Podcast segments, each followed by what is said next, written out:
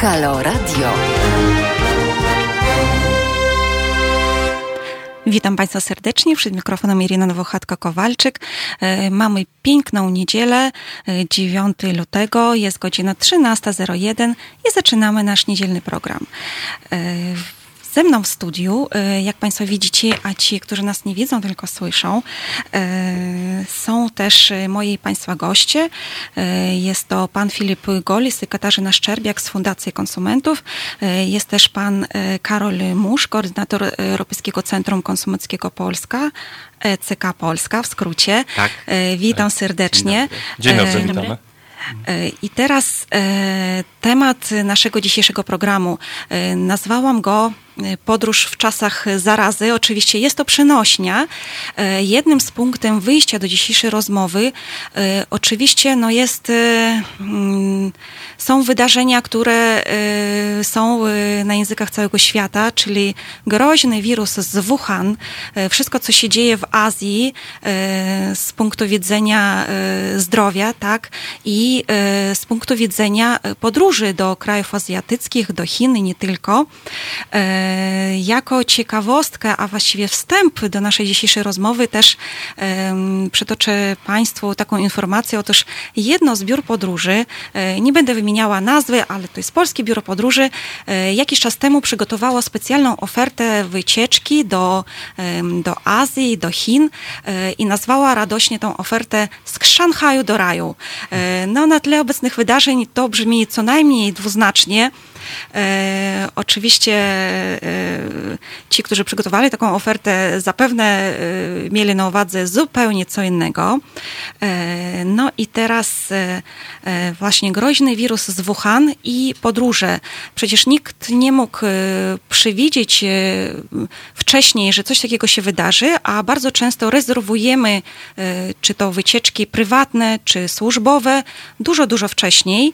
No i co wtedy, kiedy wykupiliśmy lot, wykupiliśmy ofertę turystyczną, z całą, całą tą otocz, otoczką, czyli też z ubezpieczeniem medycznym i tak dalej, i tak dalej. E, I mamy taką sytuację. E, niektórzy jadą, nie boją się, mimo e, tak zastrzeżeń i różnego rodzaju komunikatów, tak, żeby nie jechać. No, niektórzy rezygnują. I teraz tak, te wycieczki są stosunkowo drogie. Tak jak sprawdzałam kilkunastodniowa, czyli trzynastodniowa wycieczka, załóżmy do y, wspomnianego wcześniej Szanghaju i no, oczywiście nie tylko, bo to cała wycieczka taka objazdowa y, kosztuje od 3 do 7 tysięcy złotych. Zapewne, zapewne są i droższe. No i co wtedy? Czy koniecznie musimy tracić te pieniądze, czy bez, bezkosztowo w tym momencie rozmawiamy o takiej sytuacji, której nikt nie przewidział, y, której nie było mm, zapewne w zapisach umowy, że jeżeli zdarzy się coś takiego, że no właśnie groźny wirus się pojawi, epidemia i tak dalej, należy się zwrot pieniędzy, co wtedy? Znaczy no generalnie właśnie trzeba, myślę, na początku rozgraniczyć tutaj e, z jakich usług turystycznych korzystamy. Bo jeżeli są to pojedyncze usługi, e, czyli na przykład sam lot, czy sam pobyt w hotelu, prawda? Ktoś sobie, ktoś sobie niezależnie sam rezerwuje e, wszystko, że tak powiem, osobno na własną rękę albo tylko leci. Jest to inna sytuacja w, w porównaniu do przypadku, jeżeli kupujemy całą wycieczkę, na przykład w biurze podróży. Dlatego, że tutaj e, no, z innymi przepisami prawnymi czy warunkami prawnymi mamy do czynienia. Może zacznę od tej sytuacji, kiedy jest to cała wycieczka.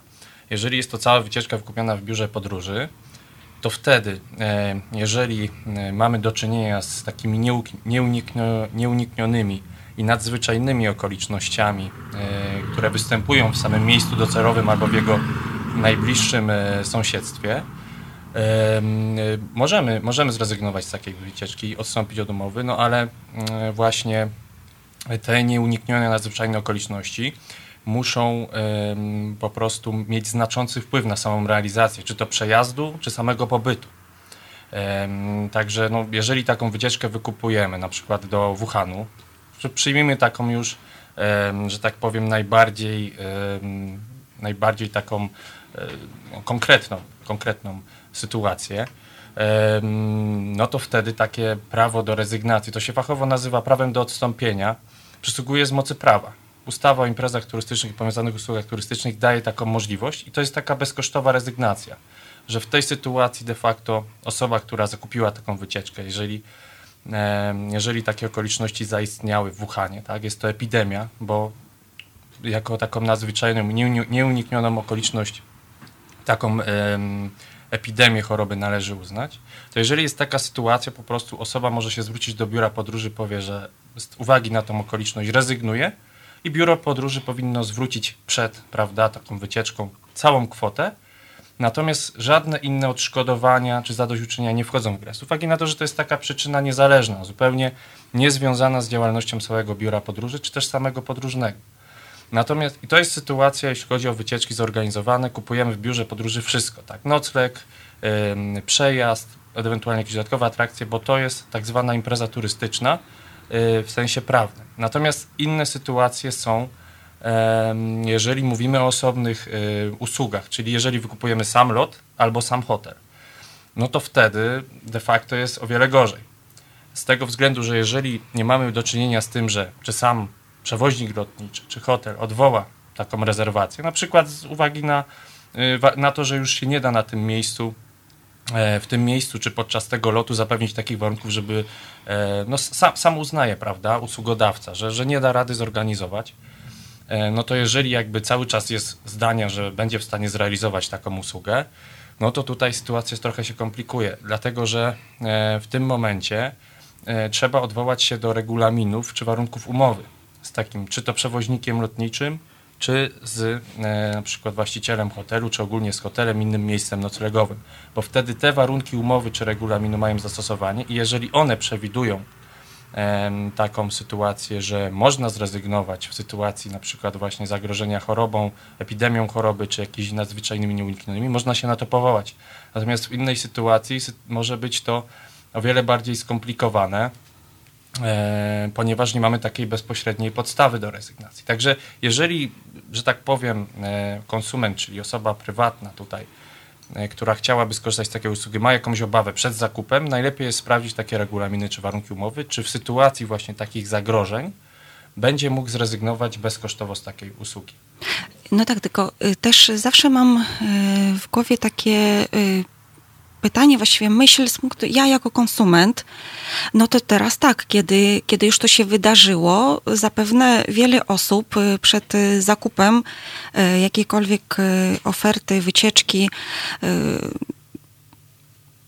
płaceniu za wyjazd taki turystyczny, zastanowi się, przeczyta. Ale w momencie, kiedy no jeszcze tak jakiś czas temu, miesiąc temu, dwa miesiące temu, nikt o tym nie mówił i nawet y, no do głowy by ludziom nie przyszło, że coś takiego może się stać. Y, więc y, tutaj znów no, zapewne się kłania to, że no, nie czytamy bardzo dokładnie umów. Tym bardziej tego, co jest napisane drobnym druczkiem, a poza tym też jako zwykli konsumenci no nie mamy takiej świadomości tak prawnej. Musielibyśmy y, studiować y, wiele, wiele paragrafów i tak dalej, co, y, co w życiu codziennym raczej, raczej no, nie zdarza się, tak? Idziemy na łatwiznę. Ja też pragnę zauważyć, że tak samo jak konsument podróżny nie był w stanie przewidzieć takich okoliczności, tak samo nie był w stanie tych okoliczności przewidzieć sam przedsiębiorca. W związku z tym tutaj takie okoliczności są zaskakujące dla obu stron e, umowy e, o świadczenie usług turystycznych, czy o przewóz i tak dalej. Więc y, też na to warto czasami zwrócić tak, uwagę. Tak, jest tak zwana mhm. druga strona medalu. Teraz mhm. rozmawiamy y, o zwykłych ludziach, o konsumentach, którzy korzystają y, z tego typu ofert i w ogóle planują wyjazdy, podróżują. Jeszcze dopiero ma się okazać, jak to się odbija na całej branży turystycznej, na branży transportowej, bo tutaj też o przewoźnikach mówimy. Jeszcze nie wiemy, chyba że Państwo już macie jakieś szacunki, skalę tego, bo wiadomo, kolejny kraj kraje odwoływały loty i tak dalej, jak to w ogóle y, się rozłoży potem na y, poszczególne segmenty gospodarki.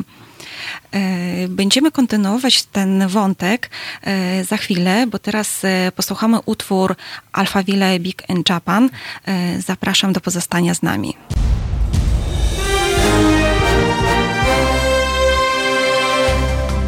Halo Radio. Pierwsze medium obywatelskie.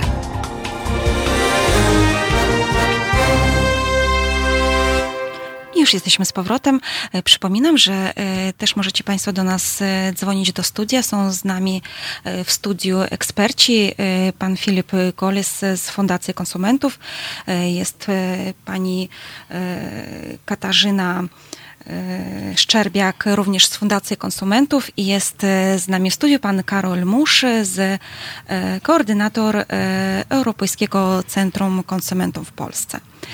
E, Przypominam, że możecie Państwo do nas zadzwonić. E, Bardzo zachęcam, bo jest to e, bardzo dobra okazja porozmawiania z naszymi ekspertami, więc zachęcam do oczywiście do telefonowania, do zadawania pytań. Przypominam, że telefon do studia to 22 39 052 22. E, No i również czekamy na Wasze komentarze, a my wracamy do naszego tematu, Em, więc rozmawialiśmy o e, podróżowaniu w czasie, e, kiedy e, no jest ogólnoświatowe zagrożenie epidemiologiczne. Oczywiście nawiązujemy tutaj do szczególnie groźnego koronawirusa, o panice, która teraz panuje właściwie na całym świecie i co oczywiście jest uzasadnione m, w kontekście podróży, podróżowania, w kontekście zakupu wycieczek, zakupu lotów, biletów lotni- lotniczych, podróżowanie, no i w kontekście oczywiście e, rezygnacji, bo y, znam osobiście takie przypadki, kiedy em, osoby y, miały zarezerwowane bilety nawet nie do Azji, tylko do krajów europejskich, w których y, y, między innymi do Niemiec em, i były to y, wyjazdy biznesowe na targi branżowe y, i jedna ze znajomych mi osób zrezygnowała z uwagi na to, że no po prostu się obawiała y, jednak y, zarazić się tym wirusem. Y, Też między innymi dlatego, że słusznie czy niesłusznie, ale to były międzynarodowe targi branżowe, spożywcze i miał tam być jeden wielki pawilion z Azji i przedstawiciele różnych firm azjatyckich. Więc y, takie rzeczy się zdarzają, ludzie planują wyjazdy, y, a potem odwołują. Y, Czasami można zrobić bezkosztowo, ale nie zawsze. I teraz chciałabym porozmawiać z Wami o odwołanych lotów, ale odwołanych lotów teraz nie przez tą osobę, która bilet kupiła, tylko y, o odwołanych lotów ze strony przewoźnika, y, bo przypominam, między innymi nasz przewoźnik krajowy LOT wstrzymał tak y, loty do, do tej części kraju. Do dzisiaj. Do, do dzisiaj, tak. Do dzisiaj. A nie wiadomo, czy nie przedłużą.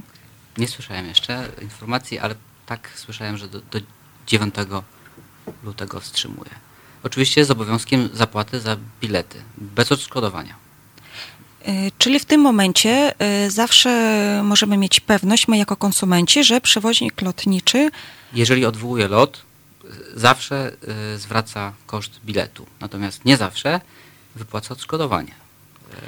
Pomimo tego, że Tak. mamy prawo domagać się odszkodowania w wysokości od 250 do 600 euro, w zależności od e, długości trasy, którą e, samolot miał pokonać, e, to e, nie zawsze jest tak, że takie odszkodowanie otrzymamy, ponieważ mamy szereg okoliczności, które uwalniają przewoźników od e, obowiązku wypłaty odszkodowania. I takimi okolicznościami na przykład jest wybuch epidemii, jakiś e, problem polityczny, jakiś konflikt zbrojny, ale także e, bardziej przyziemne rzeczy, na przykład zderzenie samolotu z ptakiem. To jest bardzo częsty przypadek, e, w którym się tłumaczą e, przewoźnicy, że samolot od, odwołaliśmy, ponieważ e, ten, który przyleciał, za, załóżmy na Okęcie, w trakcie lądowania zderzył się z ptakiem, w związku z tym zachodzi konieczność serwisowania. Plus rzeczy, których nie jesteśmy w stanie w żaden sposób sprawdzić, na przykład jakieś restrykcje nad terytorium, załóżmy Pakistanu, e, gdzie na przykład, e, tutaj bardziej w kontekście opóźnienia, ale na przykład odwołanie byłoby też możliwe takie bardzo sprawiedliwe tłumaczenie przewoźnika, że nie e, wypłaci odszkodowania pasażerowi, jeżeli na przykład mamy do czynienia ze, ze strajkiem, ale takim strajkiem, który był niezapowiedziany bo taki strajk, który był zapowiedziany i przewoźnik miał... Strajk linii lotniczych, tak? tak? ale mm, panuje takie e, przeświadczenie, że strajki, które są e, tak zwane dzikie, e, czyli e, inaczej, e, ujmę to tak, I, i, jeżeli jest obawa przed strajkiem i przewoźnik ma możliwość zapobiec temu, czyli na przykład spełnić jakieś warunki, e, które załoga mm, postulowała, to wtedy ocenia się, że oni mieli wpływ na to, czy ten strajk się odbędzie, czy nie. A jeżeli jest to strajk z dnia na dzień, to wtedy faktycznie e, przewoźnik ma prawo uwolnić się od odpowiedzialności za wypłatę odszkodowania. Są też okoliczności czysto, te, czysto techniczne, czyli na przykład e, niedziałające e, drzwi w samolocie od kabiny, czy problem z silnikiem i wtedy Europejski Trybunał Sprawiedliwości ileś lat temu wydał takie orzeczenie, w którym stwierdza, że jeżeli przewoźnik miał mm, możliwość przewidzieć, że taka techniczna okoliczność się wydarzy, e, wtedy odpowiedzialność odszkodowawczą ponosi. A jeżeli jest to usterka, której się nie dało przewidzieć, czyli na przykład e, coś, co jakiś ekspert oceni, że to nastąpiło samoistnie e, określonego dnia, wówczas nie ma możliwości, o czym my możemy prosić, czy żądać prze, przewoźnika o wypłatę odszkodowania, ale z mojego doświadczenia najczęściej tak, e, takiego odszkodowania nie dostaniemy. E, czy to jest e, uregulowane prawnie? Tak, tak. Poprzez unijne rozporządzenia. Rozporządzenia unijne mają to do siebie, że y, obowiązują y, na terytorium Polski bezpośrednio. A jeszcze mam takie pytanie odnośnie odszkodowania. W momencie, kiedy teraz lot odwołał swoje loty, a załóżmy ktoś miał y, lot łączony y, i automatycznie musiał tak zrezygnować z tego, z tego drugiego lotu. Czy w tym momencie odszkodowanie by przysługiwało takiej osobie? E, powiem tak, jeżeli mm, przyjmiemy sytuację, że mamy lot z Warszawy przez Frankfurt do Orlando, jeżeli mamy lot odwołany z Warszawy do Frankfurtu, wówczas e, możemy liczyć na odszkodowanie w wysokości 600 euro, ponieważ przyjmujemy, mm, jeżeli to był ten sam przewoźnik na tej samej mhm. rezerwacji, wówczas mamy prawo do y, żądania e, odszkodowania w wysokości 600 euro, o ile oczywiście te okoliczności są zasadne. Natomiast jeżeli odwołają nam samolot z Warszawy do Frankfurtu, e, a dalej mieliśmy lecieć z Frankfurtu do Orlando, kontaktujemy się na miejscu z przewoźnikiem i prosimy, żądamy o alternatywny lot. I taki przewoźnik ma obowiązek nam takiego, e, e, taki, te, takie połączenie zaproponować. Więc niestety musimy się ustawić w kolejce do okienka i taki przewoźnik powie nam, dobrze, to leci pan przez Paryż i przez Nowy Jork. E, I też jest inna e, kwestia. Jeżeli przylecimy o kilka godzin e, po terminie, w którym mieliśmy do tego Orlando przylecieć, też mamy prawo do odszkodowania, bo wtedy, mm, jeżeli odwołano nam lot z Warszawy do Frankfurtu, a lecimy z Warszawy do Orlando przez Frankfurt, wtedy korzystając z lotu alternatywnego, wtedy nie mamy do czynienia z odwołaniem lotu, tylko z opóźnieniem, bo ten lot się odbył, tylko że na, na innych warunkach. Natomiast mamy też prawo powiedzieć, to my w takim razie już nie chcemy nigdzie lecieć, bo nam już to po prostu nie pasuje. I wtedy traktujemy to jako lot odwołany. I nie zapominajmy o jednym, że przewoźnik lotniczy za każdym razem ma obowiązek udzielić nam pomocy na lotnisku. E, Pomoc na lotnisku polega na tym, że powinien nam udostępnić e, napoje i posiłki w, w ilości takiej, której potrzebujemy w oparciu o czas e, oczekiwania. E, Ostatnio spotkałem się na lotnisku Modlin z, ze znacznym opóźnieniem w przelocie i megafony informowały pasażerów lotu do załóżmy Londynu. E, W związku z tym, że lot jest opóźniony o 5 godzin, zapraszamy do pu- punktu gastronomicznego X o odbiór kawy i kanapek. No, jeżeli ktoś jest na przykład wegetarianinem, to będzie miał ciężko, zwłaszcza na takich lotniskach e, tych mniejszych. A już- Albo y, inną dietę, prawda? E, tak, a, a jeżeli mamy na przykład lot e, z lotniska Olsztyn-Szymany, e, gdzie jest ty- tylko jeden punkt gastronomiczny, a loty na, na przykład do e, Anglii odbywa, e, odbywają się o 23.40, e, nie ma szans na to, żeby, e, zwłaszcza, że jest to lotnisko w lesie, e, jeżeli czekamy długo na lot, to naprawdę nie ma możliwości, żeby skorzystać z, jakiegokolwiek punktu gastronomicznego. W związku z tym wtedy powinniśmy skontaktować z przewoźnikiem, to prosimy e, o, zadość, o, odszkodowanie e, za to, że nam nie zapewniliście e, pewnych posiłków i napojów. Poza tym jeszcze oczywiście przewoźnik, tak wynika z przepisów, p- powinien nam udostępnić wysłanie dwóch maili, dwóch telekopisów i wykonanie dwóch połączeń, przy czym każdy e, w tym momencie jest to przepis archaiczny, ponieważ e, pisany był około dw- 20 lat temu i wówczas e, ustawodawca raczej nie przewidział, że każdy człowiek za 20 lat będzie miał smartfon. E, I też e, są e, już zaawansowane prace pod kątem nowelizacji tego rozporządzenia i będzie, on, będzie ono dostosowane do bieżących czasów. A jeszcze tylko chciałam dopytać, e, padła kwota, kwota e, 600 euro, tak? Mhm. E, Dokładnie e, za co, e, to jest kwota 600 euro czy do 600 euro? Nie. I za co? To jest, są w przypadku odszkodowań od przewoźników lotniczych tylko i wyłącznie trzy kwoty. One są, e, to są tak zwane kwoty e, zryczałtowane. Je- Jeżeli mamy lot od, e, do 1500 km, czyli przyjmijmy to Warszawa-Paryż, wtedy jest 250 euro. Jeżeli mamy lot od y, półtora tysiąca do 3,5 tysięcy, czyli załóżmy Warszawa-Lizbona, mamy 400 euro. A 600 euro jest w momencie, w którym lecimy mm, do mm, destynacji, która jest położona powyżej 3,5 tysiąca kilometrów od miejsca wylotu, czyli przyjmijmy to, że jest to Pekin czy y, Nowy Jork. Więc możemy liczyć tylko i wyłącznie na trzy kwoty.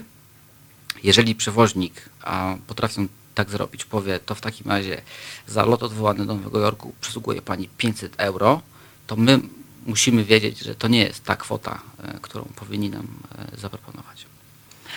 I y, o tym y, jeszcze będziemy kontynuować, a y, szczególnie chodzi mi o kwestię odszkodow- odszkodowań. A teraz zapraszam posłuchać utwór Pink Floyd NFR Brick and the Wall.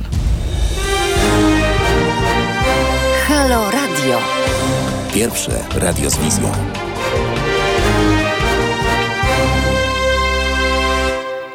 Drodzy Państwo, jesteśmy jeszcze przy temacie odwołanych lotów. Yy, i tutaj moi goście też mają bardzo ciekawe przykłady z życia wzięte, sytuacje, które, yy, z którymi się spotykały yy, różne osoby z różnymi przewoźnikami, również z tymi, których nie obejmuje prawo unijne, ale o tym za chwilę, bo oddam oczywiście głos naszym ekspertom. I porozmawiamy między innymi o dosyć dużym e, segmencie branży, y, jeżeli można tak powiedzieć, w której działają agenci pośrednicy, którzy reklamują swoje usługi jako takie, jako firmy, które pomagają w odzyskaniu odszkodowania. Jak to z tym jest? Bo to jest całkiem legalny biznes, a y, no, nie zawsze się układa dla konsumenta, dla ich klienta jednak tak, jak, jak by się chciało pomyślnie. Dlaczego? Może ja I o co w tym chodzi? Mhm. Może zacznę. E, W momencie, w którym pasażer ma problem e, i chciałby uzyskać informacje na temat tego, co powinien zrobić, jeżeli mój lot jest odwołany.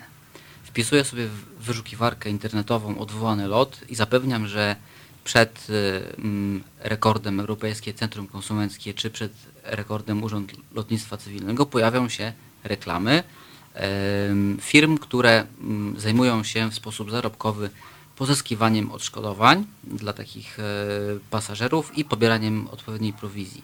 Tak jak pani powiedziała, nie jest, jest to biznes całkowicie legalny, natomiast e, już kilka lat temu Europejskie Centrum Konsumenckie zauważyło pewną nieprawidłowość e, w przypadku firmy z Wielkiej Brytanii, która op- operowała na terenie Polski.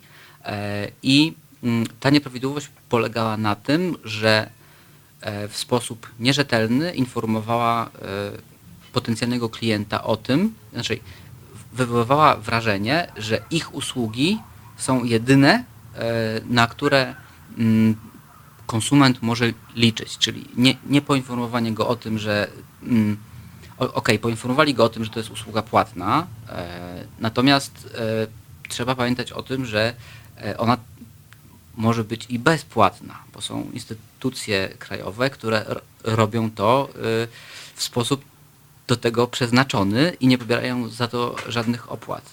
Z, naszej, y, z naszego doświadczenia wynika, że te firmy prywatne korzystają też z usług tych instytucji krajowych, co e, od razu e, oznacza, że tak naprawdę dawanie im pieniędzy w tym przypadku wymaga określonej informacji, dlaczego my te pieniądze dajemy. Czyli oni powinni jak, w, jakiś rozsądny sposób e, poinformować takiego klienta o tym, przede wszystkim o tym, że to nie jest jedyny sposób, w którym on to może załatwić.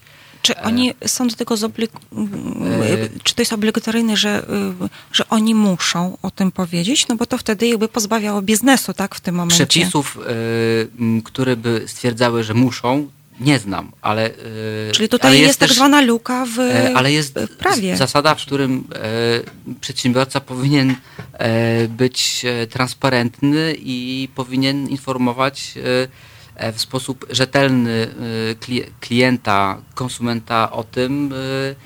mm, w związku z tym uważam, że to nie jest kwestia luki prawnej, tylko kwestia może podejścia e, przedsiębiorców w taki Dobrych sposób. praktyk rynkowych. Właśnie, Tak. możliwe praktyki Tak. rynkowe to mogą Mhm. być w takiej sytuacji. E, Dokładnie, bo to jest. Wy, To już jest pojęcie prawne. E, Tak, to jest pojęcie prawne i, f- i faktycznie z taką praktyką mamy do czynienia e, w momencie, w którym ktoś w taki sposób na nas naciska, że powoduje podjęcie de- decyzji o zawarciu umowy, której e, inaczej by nie podjął. Więc jak na, najbardziej tutaj, tak jak e, pan po, powiedział i pani, praktyka e, faktycznie. A to jest już e, coś, e, e, co może pozbawić firmę i reputacji, i pieniędzy. Jeżeli tylko prezes Urzędu Ochrony Konkurencji i Konsumentów stwierdzi stosowanie takiej praktyki, wtedy lawina rusza. Mam stąd pytanie, czy w swojej praktyce widzicie to, że jest dużo osób y, poszkodowanych przez, y, po pierwsze są poszkodowani przez, tak, przez, przez y, linie lotnicze przewoźników, czy tam z jakiegoś innego tytułu, y, poszkodowani dwukrotnie przez taką firmę, pośrednika, przez agenta, y, która chciała na tym zarobić, czy przychodzą do was y, z, z, prośbą o pomoc? To są raczej takie pojedyncze przypadki. Wiele osób nie jest e, chyba skorych do tego, żeby zgłaszać. W ogóle nawet nie widzą e, bardzo często tego, że to jest problem, że. e, Albo są- nawet nie są świadomi są tego, że tak naprawdę pieniądze. zapłacili Czasami- za coś, za co no tak naprawdę uzyskali, bo tą pomoc nie płacąc. Tak? W ogóle chyba nie mają świadomości tego. O to chodzi. Jeszcze dodam jedną rzecz, przepraszam, że wejdę słowo.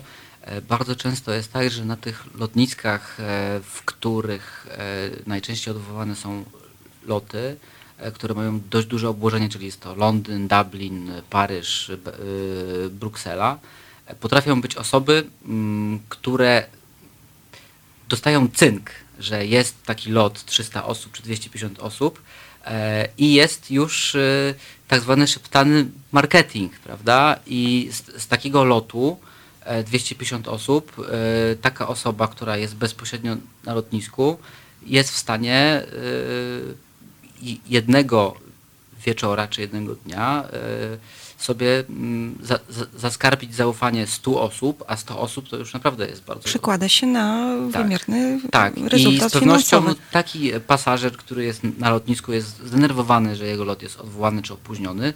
E, widzi, że jest ktoś, kto się tym e, interesuje.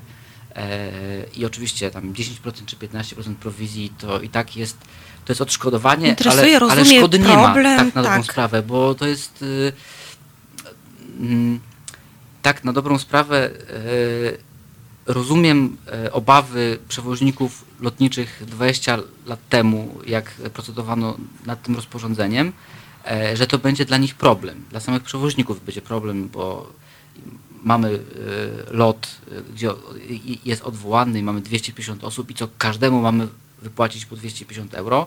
E, Jest to e, dla nich było, było nie, nieekonomiczne.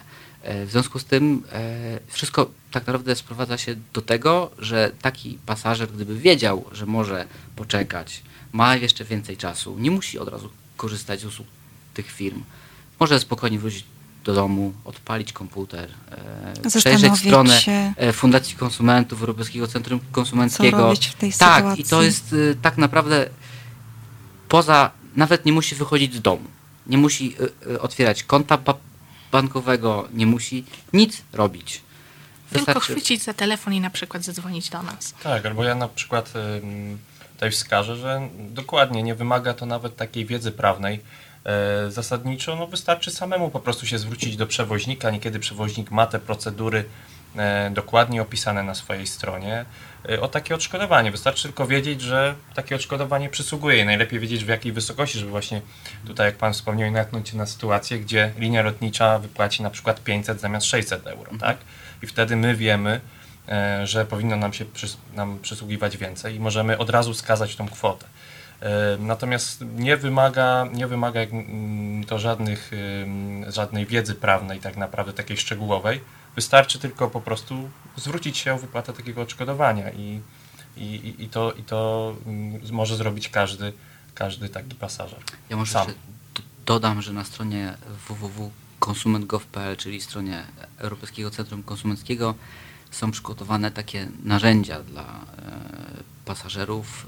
E, dwa narzędzia. Pierwsze to jest ka- kalkulator e, ewentualnych roszczeń, czyli e, wskazujemy skąd lecieliśmy, dokąd i to pokazuje nam, ile możemy żądać pieniędzy, a dwa, e, ECK Polska zebrało e, formularze e- reklamacyjne wszystkich ważnych przewoźników operujących na terenie Unii w jedno miejsce, więc e, nawet e, można wejść na stronę ECK-u e, i jak mamy problem, e, nie musieć szperać po stronach, bo, on, bo te formularze są raczej, zapewniam, e, starannie ukryte. Gdzieś E, schowane tak, na tak. podstronach, trzeba de- E, A my sobie przez, zadaliśmy trud i z, zebraliśmy wszystkie te formularze tych głównych Drodzy przewoźników. Państwo, wydaje mi się, że e, to, o czym e, Karol już wspominał, czyli to narzędzie, e, kalkulator e, kosztów Mhm. odszkodowania, to, to, to jest naprawdę pomocne narzędzie. E, Przyzwyczailiśmy- używane. Często używane. Mhm. E, Przyznam się, że e, dla mnie to jest odkrycie, bo nie wiedziałam, że taki kalkulator istnieje. E, no Może dlatego, że nigdy nie byłam w takiej sytuacji, ale przyzwyczailiśmy się do kalkulatorów wynagrodzeń, kredytów i tak dalej, i tak dalej.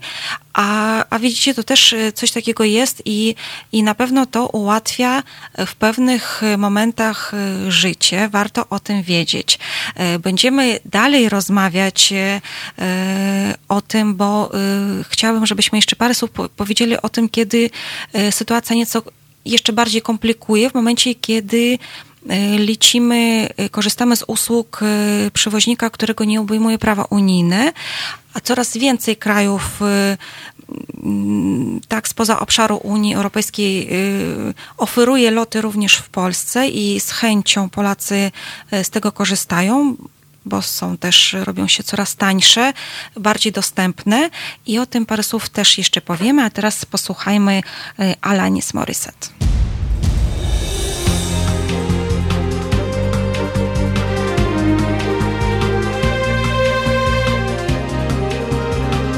Halo Radio. I już jesteśmy, drodzy Państwo. Ym, Chciałabym tylko, żeby jeszcze kilka słów, żebyśmy powiedzieli o, o sytuacjach, kiedy korzystamy z usług przewoźników, y, których nie obejmuje prawo unijne. Y, Tutaj podczas przerwy pan Filip, wydaje mi się, wspominał o sytuacji z ukraińskim przewoźnikiem. Tak? Tak, tak. No tutaj mogą być problemy, jeżeli mamy do czynienia z takim lotem, który de facto e, no, odbywa się na przykład e, z, no, z, z Ukrainy tak, do Polski. Wtedy, jeżeli, jeżeli, jeżeli tutaj ten przewoźnik nie jest przewoźnikiem wspólnotowym, e, czy ukraiński, jakikolwiek inny, no nie przysługuje nam to odszkodowanie. Czyli musi mieć, e, mieć e, ten status przewoźnika wspólnotowego. Czy Polacy mają tego świadomość? Nie. I w związku z tym yy, zapewne macie takie sygnały, tak? yy, Zapewne zgłasza, zgłaszają się osoby do Was. Yy, No właśnie, co wtedy im mówicie?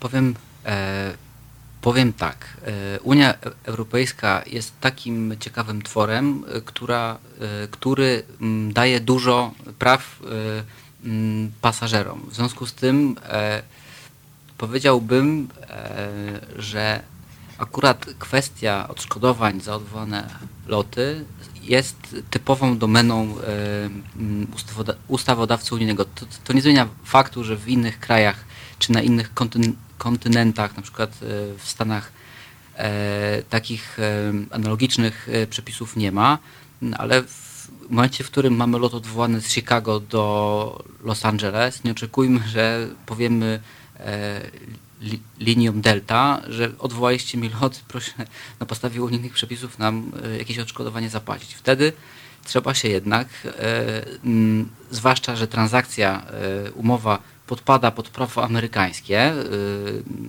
ta usługa przewozu, e, warto byłoby się zainteresować, jakie przepisy e, obowiązują w Stanach. My z perspektywy Europejskiego Centrum Konsumenckiego, które operuje na e, krajach Unii Europejskiej, Islandii, Norwegii oraz Wielkiej Brytanii, która już w Unii nie jest, ale wciąż w sieci CCNet jest, e, jesteśmy w stanie z takim stuprocentowym e, st- stopniem pewności powiedzieć, jakie panuje prawo w, w danym kraju. Natomiast jeśli chodzi o prawo amerykańskie, czy chińskie, czy nie wiem, szwajcarskie, to w tym przypadku powiedziałbym, że by nie, nie traktować e, mojej instytucji, w której pracuję, jako kogoś, kto udzieli jakichś wiążących informacji, raczej skontaktować się z, e, z kimś, kto taką wiedzę ma, a będzie to chyba raczej ciężko, żeby znaleźć.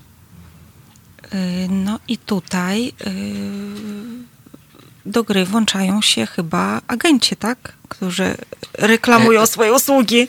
Akurat oni nie, Nie? e, ponieważ... e, mhm. Za- Zależy, zależy od nich tak naprawdę, tak mi się wydaje. Tak, natomiast e, z doświadczenia wiemy, że oni raczej operują na tych e, przewoźnikach i na tych lotach, na których mogą zarobić, bo, bo e, operują na przepisach unijnych, więc jeżeli przepisy unijne nie obowiązują w danym locie, to e, umocowania ku temu nie mają. Chyba, że mają jakieś, jakąś siatkę w Stanach, czy jakiś swój oddział, który by mógł e, jakoś pomóc w egzekucji e, takiego prawa, ale nie spotkałem się jeszcze z czymś takim. Tym bardziej, że tutaj warto też zaznaczyć, że Rzecznik Praw Pasażerów, który działa przy Urzędzie Lotnictwa Cywilnego, w takiej sytuacji też nie pomoże, dlatego że on może bazować w sytuacjach, kiedy mają zastosowanie przepisy unijne. I tu jest też jakby taka mm, e, przeszkoda w tym, żeby ewentualnie kogoś popr- pro- poprosić o pomoc, no bo to już nie ma co ukrywać. Są takie dosyć trudne sytuacje mm, dziejące się poza granicami Unii Europejskiej. No i, no i tutaj samodzielnie może być bardzo trudno. Natomiast zawsze warto jest zapoznać się z warunkami danego przewoźnika. Bo tutaj mogą być jakieś regulacje korzystne dla konsumenta i niekiedy nie, m, może być taka sytuacja, że ten przewoźnik e, prawda, sam nie zaproponuje e, konsumentowi, aby skorzystał z swoich praw, które wynikają z tych warunków, bo pamiętajmy o tym, że zawsze zawieramy umowę, tak? czyli umowa musi mieć pewne warunki. E, Niekiedy te warunki są również zawarte w regulaminach, tak? które stanowią integralną część tej umowy. Dlatego warto jest też zapoznawać się z takimi warunkami umownymi czy regulaminami, bo one mogą przyznawać dodatkowe prawa, a przewoźnik lotniczy nie zawsze musi nas o tym e, informować, prawda, powiedzmy tak bezpośrednio, tak? Musimy, warto zawsze samemu też, też sobie e, takie rzeczy posprawdzać. Czyli jako konsumenci no w tej sytuacji jesteśmy trochę bezbronni w momencie, kiedy korzystamy z usług y, firmy przewoźnika y, spoza Unii. Teraz tak sobie zdałam sprawę na podstawie tego, co Można to tak powiedzieliście. nazwać. Można to tak nazwać. Bezbronni to jest duże słowo, natomiast mm, nie ma w Polsce organu, y, który by pomagał y, w przypadku sporu y, konsumenckiego z przedsiębiorcą spoza Unii, czy to będą nawet Szwajcaria, która jest spoza Unii, albo z Ukrainą, czy z, z, Chinami. Nie ma. I też w niektórych krajach, w większości krajów Unii E- Europejskiej takich analogicznych instytucji też nie znajdziemy. A czy znane Wam są takie przypadki, kiedy na przykład y, ktoś z Polski y, sam na własną rękę, mm, no na przykład y, coś wywalczył, y, tak y, wygrał spór, no na przykład z ukraińskim przewoźnikiem albo jakimś innym, dzięki, no nie wiem, znajomości języka, znajomości właśnie tego kraju, przepisów?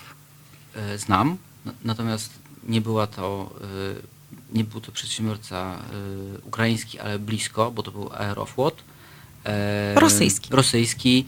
E, I tutaj e, wszystko polegało na tym, że w Warszawie w centrum mieliśmy jakiś czas temu oddział Aeroflotu e, i pomimo tego, że to była sprawa, w której żadna instytucja by nie pomogła, była możliwość pójścia, teraz już ten oddział chyba jest zamknięty, mm, ale konsument był tak uparty, mm, podróżny, pasażer, że sprawę swoją załatwił, a też jeszcze jest opcja, która, o której wspomina, e, wspominamy zawsze w Europejskim Centrum Konsumenckim. Jeżeli mamy spór z przedsiębiorcą z Pakistanu, czy z Wietnamu, czy z Chin, może warto czasami pójść do ambasady. Może ambasada e, Chin w Polsce, czy ambasada e, Wietnamu w Polsce udzieli jakiejś informacji, do kogo się skontaktować, e, bo jeszcze w Stanach... Nie tyle, że rozwiąże problem, tylko wskaże, gdzie ewentualnie szukać pomocy, tak? Tak, bo jeszcze y, w Stanach jest taka y,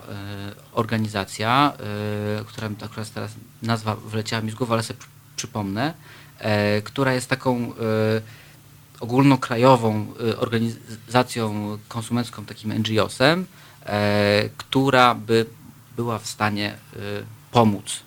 Poza tym zawsze można wejść na stronę Consumers International bodajże i tam jest taka mapa. E, Po najechaniu e, na odpowiedni kraj pojawiają się różne instytucje e, konsumenckie i nie ograniczają się tylko i wyłącznie do krajów Unii Europejskiej, ale do całego świata. Warto wejść i jeżeli mamy problem z firmą z innego kraju, to jest użyteczne. Czyli znaleźć tak zwany punkt zaczepienia. W jed- W jednym przypadku to może być przedstawicielstwo e, danej firmy. Ambasada, Ambasada, tak. E, Nawet jeżeli e, nie rozwiąże się od razu problemu, to przynajmniej osoby tam pracujące wskażą miejsca, gdzie można szukać pomocy. po to są ambasadami, żeby raz pomagać swoim obywatelom na, na terenie innego kraju, ale również informować o swoim kraju y, y, mm, obywateli polskich, prawda, y, którzy są in, zainteresowani jakimkolwiek asp- aspektem życia w Chinach, a, a, w tym przypadku byliby zainteresowani, jak dochodzić swoich roszczeń w Chinach. Y, Drodzy Państwo, podróżowanie to nie tylko y, przyloty, przyjazdy, bilety, y, to są również bagaże, to są również noclegi i z tym też bywa bardzo różnie, a nie zawsze planując podróż o tym myślimy, pamiętamy. Bardzo często nie myślimy o rzeczach złych, które mogą się zdarzyć w podróży, tylko o dobrych. Jedziemy do innego kraju, poznajemy nowych ludzi, załatwiamy interesy i tak dalej. Niemniej jednak takie wypadki, przypadki się zdarzają i y, za chwilę o nich też porozmawiamy y, powiemy różne przykłady, również y, w jaki sposób były rozwiązywane, na co musimy uważać i tudzież gdzie szukać pomocy. A teraz posłuchajmy utwór Beaches Alone.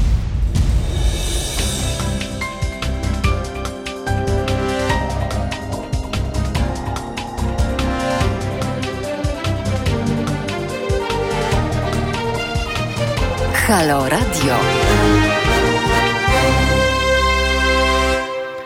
Witam Państwa serdecznie. Jest godzina 14.02. Przed mikrofonem Irina Wochatko-Kowalczyk i moi goście, pan e, Filip Golis i Katarzyna Szczerbiak e, z Fundacji Konsumentów. E, jest z nami również pan Karol Musz z Europejskiego Centrum Konsumenckiego Polska, ECK Polska w skrócie. Tematem naszego programu, e, przypomnę dla tych, którzy nas nie słyszeli podczas e, naszej rozmowy w ciągu pierwszej godziny, e, jest podróż w czasach zarazy. Oczywiście temat jest, e, nazwa tego tematu, no, jest to pewna przenośnia, która nawiązuje do obecnej sytuacji na świecie o zagrożeniu koronawirusem i y, wszystkich sytuacjach, sytuacji, które y, towarzyszą naszym podróżom, dalekim bądź bliskim, sytuacjom, które się zdarzają również podczas, po prostu się zdarzają, tak? Zdarzało się wcześniej, będą się zdarzały później, tego nie unikniemy, yy, sytuacje losowe i o tym wszystkim rozmawiamy yy, z pozycji konsumenta. Yy, jak konsument może chronić swoich praw, dochodzić swoich praw. I tutaj podczas krótkiej przerwy muzycznej wywiązała się też ciekawa rozmowa. Jeszcze chwilkę o tym porozmawiamy, bo mówiliście, moi drodzy, o bardzo ważnych rzeczach, wciąż o ubezpieczeniach i odszkodowaniach, ale to nie padło wcześniej. Myślę, że warto o tym powiedzieć, jak dodatkowe ubezpieczenie, tak? W jakich sytuacjach to się sprawdza i dlaczego warto o tym pomyśleć? Dodatkowe ubezpieczenie jest szczególnie przydatne, kiedy z przyczyn leżących po naszej stronie, po stronie konsumenta i nie możemy na przykład e, skorzystać z połączenia lotniczego, dlatego że na przykład wystąpiła taka e, przyczyna jak na przykład ciężka choroba, jakieś sytuacje losowe. E, I w tym przypadku, kiedy właśnie nie możemy skorzystać, musimy odwołać lot, ale przewoźnik wtedy zazwyczaj nie wypłaca nam takiego zwrotu pieniędzy w przypadku naszej rezygnacji, to wtedy możemy skorzystać z możliwości odszkodowania z tego dodatkowego ubezpieczenia. Mm, bardzo jest to przydatna mm, bardzo jest to przydatna właśnie e, instytucja e, i na pewno warto o tym pomyśleć, jeżeli e, regulamin przewoźnika nie przewiduje możliwości zwrotu biletów, kiedy właśnie wystąpią takie nieprzewidziane okoliczności po naszej stronie. Też jest możliwość skorzystania z ubezpieczenia naszego bagażu dodatkowo. Oczywiście przewoźnik również jest zobowiązany do wypłaty nam odszkodowania, kiedy bagaż na ulegnie uszkodzeniu lub całkowitemu zniszczeniu lub cokolwiek, co przewozimy, przewozimy przykładowo na przykład rodziny rodziny przewożą nosidełka, wózki dziecięce. Przewoźnik też jest zobowiązany do naprawienia szkody, jeżeli ten wózek przy, e, przykładowo dziecięcy uległ uszkodzeniu w trakcie e, załadunku na przykład. Tak więc można, e, warto sprawdzić przede wszystkim, czy najpierw, czy przewoźnik oferuje możliwość odszkodowania w, tym, w tej sytuacji. Najczęściej, najczęściej też oferuje dodatkowe ubezpieczenia. Warto to sprawdzić. Jeżeli się okaże, że będzie to, może się okazać to przydatne, zawsze warto z tego skorzystać. E, skoro jesteśmy przy bagażach, e, zapytam e, panią, też panów, z jakimi pytaniami, sytuacjami najczęściej się zgłaszają do Was podróżni, konsumenci, z punktu widzenia właśnie wszystko, co dotyczy bagaży, jakie sytuacje najczęściej się zdarzają, że człowiek rzeczywiście czuje się poszkodowany i musi coś z tym zrobić? Najczęściej w mojej sytuacji, y, bardzo często, jeżeli chodzi o w ogóle podróże lotnicze, to najczęściej właśnie się spotykam właśnie z przypadkami uszkodza- uszkodzonego bagażu. Najczęściej jest to uszko- y, Co się psuje właśnie? Najczęściej stelaż, stelaż w, y, walizki na, właśnie na kółkach. Najczęściej dotyczy to zepsucia stelaża, kółek. Naj, bardzo często I łatwo dojść do, pęknięcia. e, otrzymać to odszkodowanie, bo przecież no, wydaje mi się, że nie jest to tak łatwo udowodnić, bo być może to już wcześniej, albo Mm. jest wyeksploatowana walizka. No, dużo takich e, To właśnie pytań się pojawia jest od strony ubezpieczyciela. 10% y, y, za rok y, przewoźnicy sobie tak kalkulują, że jeżeli walizka miała załóżmy 5 lat, a stopień amortyzacji jest 20%, A jak to wtedy nie ma sprawdzają, ile miała lat walizka? Jak to można sprawdzić? Paragon, tylko pytanie kto ma. Otóż to! dlatego właśnie chcę na to Mam kilka uwagę. walizek, a nie do jednej paragonu nie mam. Chcę na to zwrócić uwagę właśnie, ponieważ najważniejszą kwestią, jeżeli chcemy dochodzić takich roszczeń z tytułu uszkodzenia bagażu, najważniejszą kwestią jest sam paragon za walizkę. Najczęściej też, jeżeli mamy jakieś cen- cenne rzeczy przewozimy w tym bagażu, też, na, może już nie teraz, ale na przyszłość warto takie paragony zachować. W innym przypadku, jeżeli mamy, nie mamy możliwości takiego szacowania, to najczęściej to przewoźnik dokonuje oszacowania wartości, wartości bagażu. Zdarzają się takie przypadki y, i podejrzewam, że koledzy to potwierdzą, że jeżeli chodzi o odszkodowanie bagażu, najczęściej biorą pod uwagę wagę samego bagażu. Czyli y, w tej sytuacji, ile bagaż waży, tyle dostaniemy odszkodowania. Dlatego warto y, tutaj właśnie sprawdzić, może warto sprawdzić właśnie też bardzo często y, polecałam, jeżeli chodzi o y, na przykład cenę walizki, polecam, żeby na przykład znaleźć, ile mniej więcej teraz kosztuje, znaleźć takie oferty w internecie. I też można to To jest uznane wtedy, tak? No to z tym Tak. już jest prościej, bo trochę mnie zaskoczyliście, powiem szczerze, z tym paragonem. Być może ktoś z naszych słuchaczy posiada paragon do swojej walizki, którą kupił 5 lat temu, to, to proszę nam o tym powiedzieć. Naprawdę, yy, no, Najlepiej trzymać w, w lodówce. Paragony, naprawdę. y, trzymają się. ale nie żartuje pan Nie, w tym momencie. Nie, nie, nie, nie. W lodówce wtedy się najmniej y, zużywają, a ja... y, Znaczy, to- chodzi Mhm. pewnie o kolor, tak? Y, o Y, czytelność. O czytelność, tak, Tak. no bo to z Blaknie. czasem Mhm. blaknie, tak, Tak. tak. A propos tych paragonów, ja może do, dopowiem, y, my w ECK Polska spotykamy się często, oczywiście najczęściej to te bagaże, tak jak u korzanki, są zniszczone, natomiast często jest e, to bagaż, który nie, nie przyleci. Albo przyleci później, albo w ogóle nie przyleci. W związku z tym, e, w momencie, w którym mamy taki problem, w którym ten bagaż nie przyleci, to ja muszę się nauczyć odpalać Excela. Czemu? Ponieważ ja muszę zrobić listę rzeczy, które były w tej walizce. E, I zapewniam, że nigdy nie jest tak, że każdy z nas, kto przewozi skarpetki, buty, szczoteczki do zębów i tak nie ma na to żadnych dowodów zakupu. W związku z tym z pamięci spisujemy, co było w tej e, walizce. Ponadto e, wskazujemy w kolejnej tabelce em, wiek tej rzeczy, e, ewentualnie cenę tej rzeczy, a jeżeli mamy, tak jak powiedziała koleżanka, link do e, portalu sklep, sklepu. sklepu, który pokazuje, ile ta rzecz kosztuje. E, Ale w i- tym momencie y, mogę sobie pozmyśleć trochę. Oczywiście, bo... że tak i znam też e, konsumentów, którzy nawet zmyślając... W takim e, sensie nawet nie dlatego, Mhm. że chciałabym tak, nie z punktu widzenia kogoś nieuczciwego, kto chce wyłudzić pieniądze, ale na przykład, no nie wiem, moja para butów dla mnie jest naprawdę dużo warta, tak? W tym sensie. Od razu powiem, że są, że, że istnieje li- limit odpowiedzialności Mhm. finansowej przewoźnika. Jest to w tym momencie około 6700 zł. W związku z tym warto e, też na etapie kalkulacji pamiętać o tym, że e, to jest kwota maksymalna, którą możemy otrzymać i najczęściej ta kwota maksymalna opiera się na kwotach udowodnionych. E, Jeżeli z mojego doświadczenia, jeżeli pasażer twierdzi, że wydał 7 tysięcy złotych i nie, ma, i nie ma paragonów, firma e, czy przewoźnik mówi, dobra, to dajmy ci połowę i ciesz się.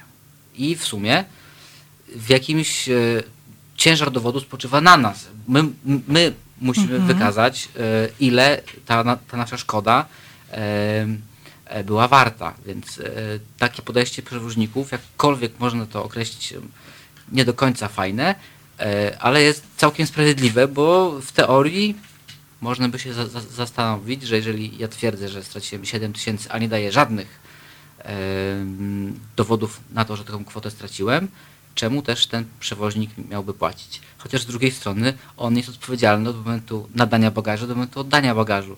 W związku z tym też e, mm, to, to są e, aspekty, które e, nie są jakoś bardzo, e, cze- m, bardzo czarno-białe.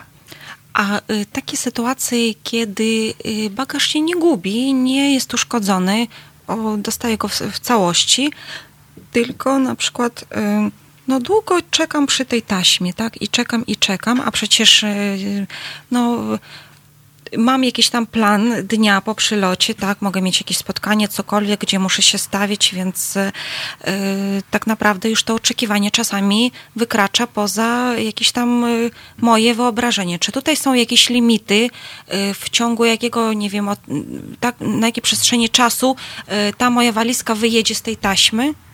Nie spotkałem się z żadnymi limitami. Limitu dolnego nie, mm, nie ma, natomiast maksymalny limit, jakim bagaż może być opóźniony i co też y, powoduje odpowiedzialność przewoźnika, to jest 21 dni. dni. I potem jest już I bagaż potem- określony jako... Wracony. Tak. Tak, i że do, do, do czynienia z opóźnieniem mamy do 21 dni od Czyli dnia, od momentu, powinien kiedy stoję przy tej taśmie i czekam, Więc tak? może pani czekać trzy tygodnie. Y, I rozumiem, że za to już odszkodowanie się należy, tak? Tak, tak, Już jak bez dodatkowych ubezpieczeń i tak dalej, i tak dalej. Tak, dokładnie. Aczkolwiek jakby pani ubezpieczyła, to miałaby pani pewnie więcej. Więcej, no tak, tak, tak. Y, za chwilę porozmawiamy o dalszej części podróży, czyli momencie, kiedy już przylecieliśmy, bagaż mamy, no ale mamy gdzieś się zakwaterować i tutaj też y, są różnego rodzaju, zdarzają się niestety nieprzyjemne sytuacje dla konsumenta. O tym za chwilę y, porozmawiamy, a teraz posłuchajmy Every Breath You Take.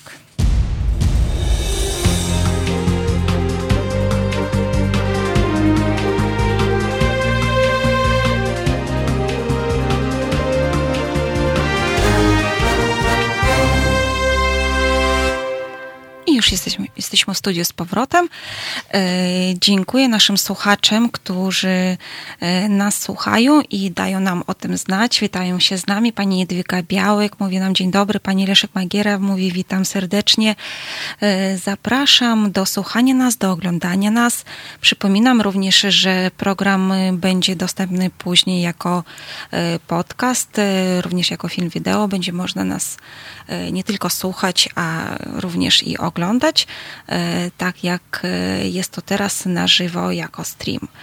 E, A my wracamy do naszego tematu i porozmawiajmy jeszcze trochę o tym, jak powinna wyglądać reklamacja, bo tutaj też już wiem, że są pewne procedury i terminy, których również trzeba się trzymać. Mhm, tak, to prawda. Kiedy spostrzeżemy, że z taśmy wyjedzie nasz bagaż i jest w, y, uszkodzony w jakikolwiek sposób, należy to jak najszybciej zgłosić jeszcze jak jesteśmy na lotnisku. Najlepiej y, zgłosić się do tak zwanego okienka, gdzie y, jest to na przykład y, może się nazywać bagaż zagubiony przykładowo. I tam należałoby wypełnić taki, sporządzić taki protokół. Pracownik znajdujący się na tym stanowisku pomoże go wypełnić. Nazywa się PIR, to znaczy Property Irregularity Regularity Report. I, na, I ten dokument jest kluczowy, żeby móc dalej potem do przewoźnika złożyć bezpośrednio reklamację i e, żądać odszkodowania za, za zniszczony bagaż. E, ten, e, jeżeli chodzi o samą reklamację, do przewoźnika musimy ją zgłosić w ciągu 7 dni i trzeba o tym pamiętać, bo bardzo dużo też mamy o to pytań, czy liczy się data nadania na przykład takiej, takiej reklamacji. Właśnie nie mamy tutaj żadnych Ale przepisów. 7 dni roboczych, E, kalendarzowych. kalendarzowych, czyli tak. weekendy również. Tak, tak, w weekendy również. I e, chociaż jeżeli chodzi o liczenie terminów, to tam e, mogą być jeszcze specjalne regulacje, żebyśmy nie wysyłali na przykład w niedzielę, nie musieliśmy by wysyłać w niedzielę. Natomiast e, jeżeli jeżeli chodzi o samo, y, samą kwestię. Nie liczy się data nadania, liczy się data otrzymania przez przewoźnika. Dlatego trzeba o tym bardzo pamiętać, ponieważ było dużo pytań do nas odnośnie tego terminu. Czy liczy się data nadania? Y, Bardzo często przewoźnicy na w swoich stronach oferują możliwość składania takiej reklamacji przez internet, więc y, żeby się nie martwić już o terminy, czy na pewno zdążymy złożyć tą reklamację, można złożyć takie coś przez internet i wtedy y, liczymy tak, że w tym samym dniu przewoźnik otrzymuje reklamację. Jeżeli chodzi o termin rozpatrzenia tej reklamacji, też mamy dużo o to pytań, y, to nie mamy określonego wprost terminu, że przewoźnik ma obowiązek wydać decyzję na przykład w ciągu 30 dni, ale tak przyjmujemy, że zazwyczaj przewoźnicy w, ta, w takim terminie odpowiadają i najczęściej y, zależnie od tego, czy to jest decyzja pozytywna, czy negatywna, no to wtedy już albo kierujemy bezpośrednio na przykład do Rzecznika Praw Pasażera, żeby tutaj mógł udzielić informacji, ewentualnie podejmujemy ostateczną kwestią, y, jeżeli na, ostateczną kwestią, którą by trzeba było rozwiązać właśnie w tej kwestii, no, no to może być y, właśnie konieczność udania się bezpośrednio do sądu. Ale mam, y, mam dużo takich właśnie też spraw, gdzie dużo było telefonów takich, że jednak ostatecznie udało się przy pomocy Rzecznika Praw Pasażerów uzyskać odszkodowanie, chociaż mogło to potrwać troszkę dłużej, ale za to bez żadnych kosztów poniesienia, na przykład związanych z opłatą od pozwu. E, Dziękuję bardzo za e, wyjaśnienie właśnie tego, bo wydawałoby się, że prosta rzecz, ale jednak e, tutaj jesteśmy obwarowani też pewnymi regulacjami, o których warto wiedzieć i pamiętać, szczególnie Czy jeżeli mogę chodzi o to. uzupełnić? Oczywiście. Tutaj w nawiązaniu do tego, co powiedziała koleżanka, było wybrzmiane, żeby zgłosić bezpośrednio na lotnisku szkodę, czyli te, te, ten protokół, ponieważ w momencie, w którym z lotniska wyjdziemy i stwierdzimy na przykład uszkodzenie bagażu w taksówce czy w autobusie, to wtedy jaka jest pewność, że przewoźnik nam uwierzy, że to powstało w trakcie przewozu? Nie ma takiej pewności. Dla, dlatego po to powstał ten protokół, żeby e, w momencie, w którym lądujemy, odbieramy bagaż, żeby ponad wszelką wątpliwość ustalić, e, kto jest za to winny. I to, niestety, I to niestety dla pasażerów jest zawarte w, w prawie międzynarodowym, w konwencji montrealskiej taki bezpośredni zapis, że jeżeli e, e, nie stwierdzimy usterek czy jakichś uchybień w bagażu w momencie e, przylotu, domniemujemy, że ich po prostu nie było. Rozumiem, że to obowiązuje zarówno na lotniskach w krajach unijnych, jak i spoza Unią. W tym przypadku tak. Tak, tak, w tym Konwencja jest tak. y, szerszym. Tak, y, czyli aktem. tutaj nie mamy jakiegokolwiek, y, jakichkolwiek wątpliwości. To po prostu działa w ten sposób wszędzie. No dobrze, już przylecieliśmy, bagaż otrzymaliśmy, jedziemy do hotelu. I tutaj czasami też czekają na nas różnego typu niezaplanowane niespodzianki. Najczęściej właśnie jakiego typu, z jakimi problemami się zgłaszają do Was interesanci? Znaczy najczęściej to tutaj są po prostu e, sytuacje, kiedy ten pokój, no, czy warunki, jakie, jakie ki- osoba zas- zastaje na miejscu, są innymi niż e, te, które były oferowane, tak? Czyli no, albo to nie jest ten pokój, albo jest niższy standard, albo nie jest posprzątany. No, tu są... Przepraszam, że ci się wtrącę, bo mam takie, były też takie sprawy całkiem drastyczne, jak na przykład e, w pokoju znajdowały się na przykład pluskwy na łóżku albo e, dużo myszy e, czy karaluchów dużo wędrowało właśnie po pokojach. I Nie to, że była mysz czy karaluch, tylko dużo myszy. dużo, dużo. Także powiem szczerze, czasami warto studiować prawo i poświęcić e, się tej dziedzinie, żeby za jakiś czas od skończenia studiów oglądać zdjęcia osób pogryzionych przez pluskwy, przez karoluchy i faktycznie my również takie sprawy mamy. E, nic przyjemnego. No tak. Y, Ja, ja na przykład ym, tutaj spotkałem się z taką sytuacją, gdzie w takiej chyba lampie w- w pokoju hotelowym był y, nietoperz, który y, po nocy grasował i no A wiązało, to mogło być ciekawe. wiązało się to mm, tak z bardzo mm, taką tutaj nieciekawą sytuacją, że te osoby, które były w tym pokoju, z tego co em, pamiętam, to, to nie była jedna osoba, czyli bodajże cała rodzina.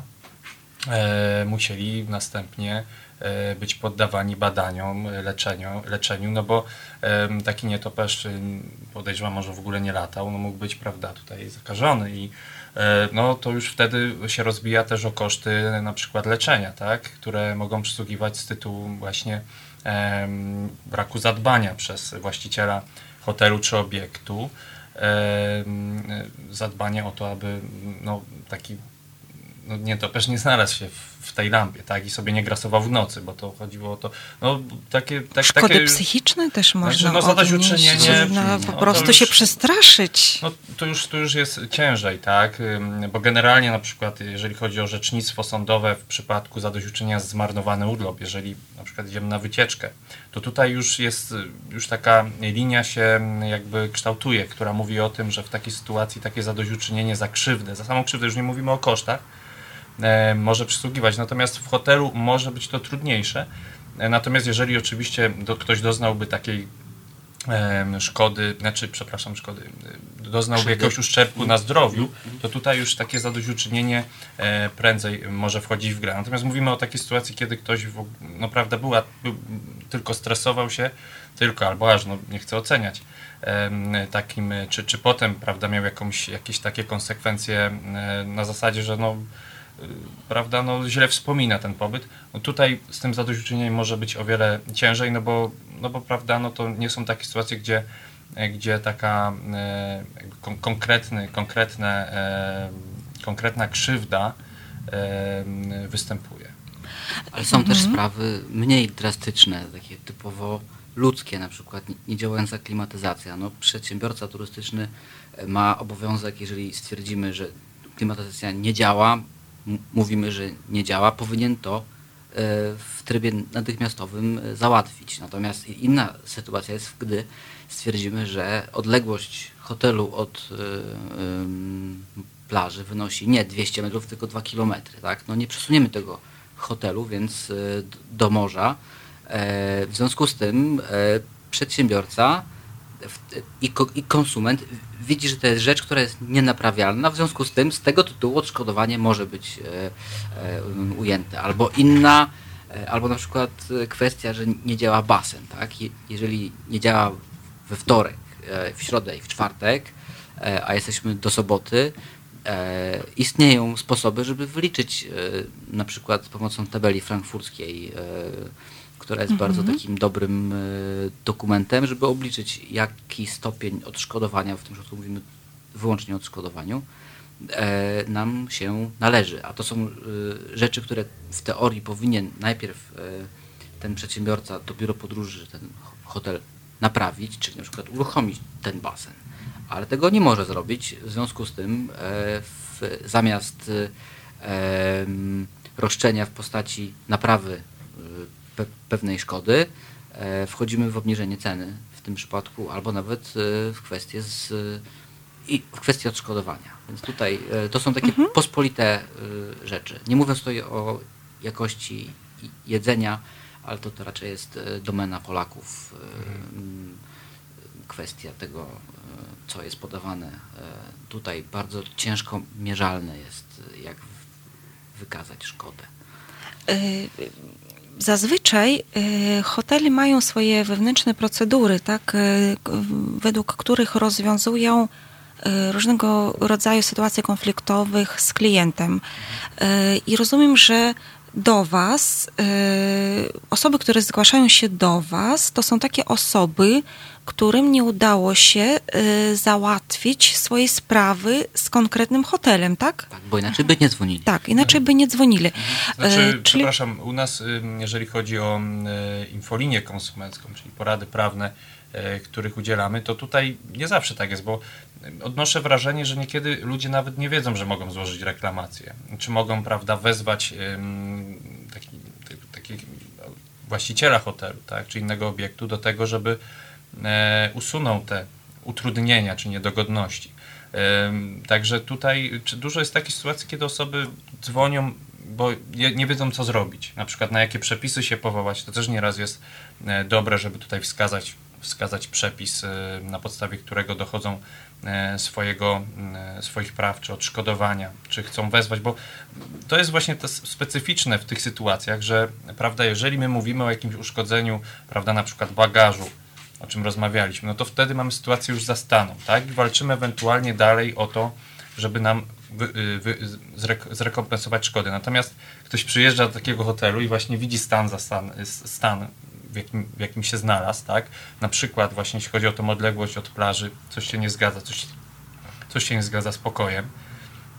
I tu na przykład osoba może już zupełnie nie mieć ochoty, żeby tam przebywać. I tu, jest, tu się zaczynają schody, tak? bo rezerwacja jest, pieniądze są zapłacone i w jaki sposób tutaj można y, prawda, zmusić takiego y, właściciela obiektu do tego, żeby, y, żeby no, albo zwrócił pieniądze w całości, tak? albo żeby zrobił wszystko, żeby zmienić tą decyzję. Tak? Także tutaj osoby dzwonią często właśnie w takiej sytuacji, gdzie nie wiedzą do końca co zrobić, de facto i chcą podjąć takie działania, żeby zmusić prawda, tego właściciela obiektu do, y, no, do rekompensaty, czy, czy, czy właśnie wezwać do usunięcia tych nieprawidłowości w jakimś terminie. Tutaj mówimy o właśnie krótkich terminach. To też jest specyficzne, tak? bo my nie możemy wyznaczyć terminu siedmiodniowego, prawda? No jak ktoś przyjechał na tydzień, no to nie będzie tyle czekał, aż ktoś posprząta pokój, tak?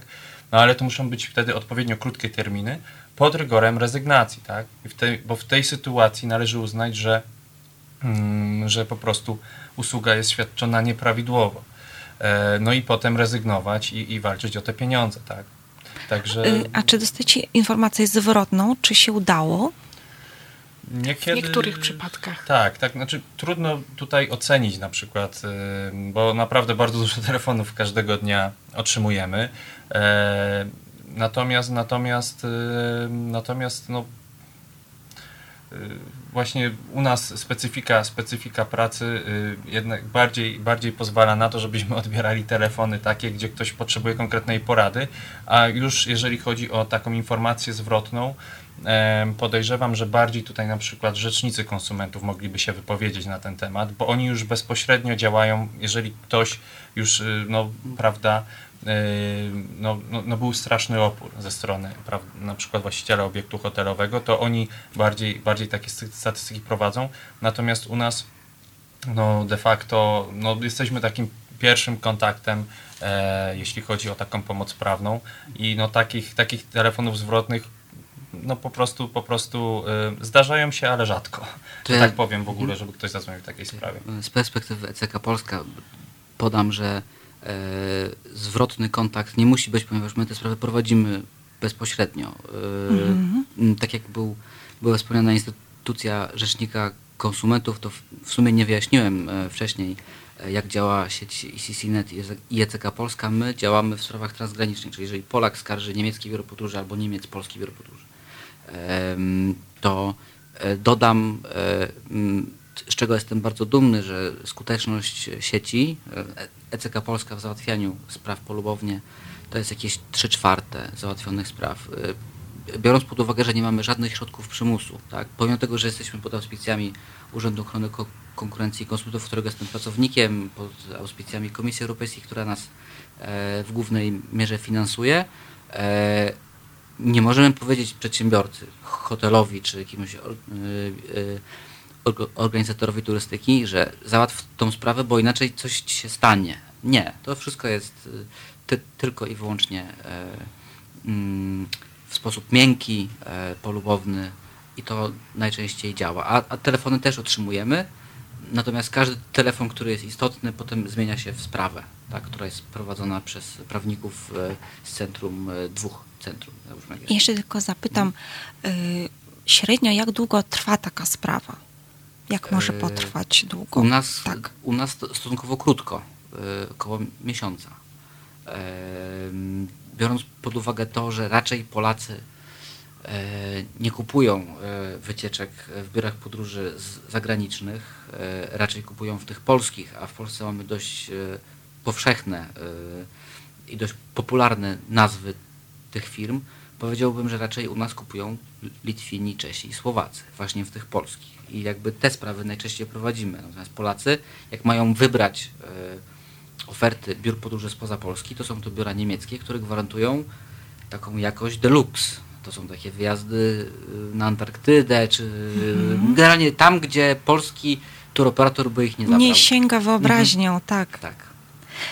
Y, Będziemy jeszcze rozmawiać o hotelach, y, ale za chwilę i troszeczkę z innego punktu, z innej strony podejdziemy do tego tematu, bo przecież y, istnieją również y, tacy pośrednicy w wynajmowaniu lokali i miejsc noclegowych, jak platformy, jak Airbnb, Booking.com, które rządzą się chyba innymi prawami. prawami. I o tym też jest warto powiedzieć, dlatego że no, to jest dosyć popularna usługa, z której korzysta chętnie bardzo wiele osób. E, Ale o tym za chwilę, bo teraz posłuchamy utwór Journée Don't Stop Believing.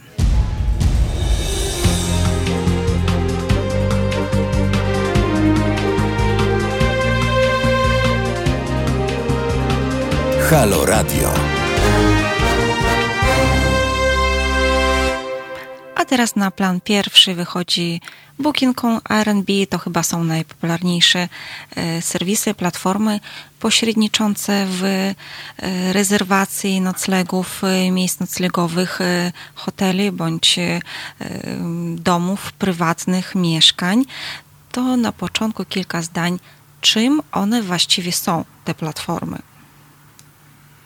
Więc y, te platformy są zasadniczo tylko pośrednikami, tak? Czyli one gromadzą e, określonych przedsiębiorców, który, którzy, czy, czyli obiekty hotelowe, powiedzmy też. Ale też osoby prywatne, które Też- wynajmują No pokoje. tak, tak, tak. Jeżeli Y, jest taka tak. moży- możliwość, żeby takie osoby, prawda, tutaj dołączyły, to też, no i one zasadniczo obsługują cały system rezerwacyjny, tak? Czyli e, de facto zawieramy e, um, no, poprzez, poprzez te po, portale tak naprawdę dokonujemy jedynie rezerwacji. I tutaj trzeba wskazać, że e, warto mimo, mimo to, warto z uwagi na to, że są duże podmioty, em, zwrócić się, jeżeli jest opór ze strony przedsiębiorcy, e, o pomoc. Bo one mogą, że tak powiem, w łatwiejszy sposób wymóc określone postępowanie, no bo mają też e, określone umowy z takimi obiektami. E, no i te obiekty też mają świadomość, że, że no, brak obecności na takich stronach byłby dużą stratą. E, Dlatego też y, mimo wszystko tutaj niezależnie od tego, e, jak to ściśle w świetle prawa wygląda, kto ponosi odpowiedzialność, prawda? No bo de facto zawieramy, oni są tylko pośrednikami, a zawieramy umowę e, z samym hotelem, tak? On, to są portale, portale rezerwacyjne. Niezależnie od tego, jak to wygląda mm, pod kątem prawnym, warto jest y, do takich firm też uderzyć, y, znaczy przepraszam za sformułowanie, no po prostu zwrócić się o pomoc, y, dlatego że Booking.com może też, może też takie problemy za nas rozwiązywać, czy propony, bo zupełnie inna sytuacja jest na przykład, jeżeli taka rezerwacja nie dochodzi do skutku, czyli de facto Booking odwołuje, tak? No to tutaj już tą odpowiedzialność bezpośrednio mamy, natomiast jeżeli są to problemy z obiektem, na miejscu, to już się tutaj e, pojawiają e, komplikacje, no bo e, de facto Booking tylko zapewnił usługę rezerwacji, natomiast umowę de facto zawieramy z samym obiektem, tak? Ale też, też mało kto zdaje sobie sprawę, że e, tego typu serwisy stosowały i stosują e, nieuczciwe praktyki rynkowe. Jakie są te najpopularniejsze nieuczciwe praktyki, o których warto wiedzieć?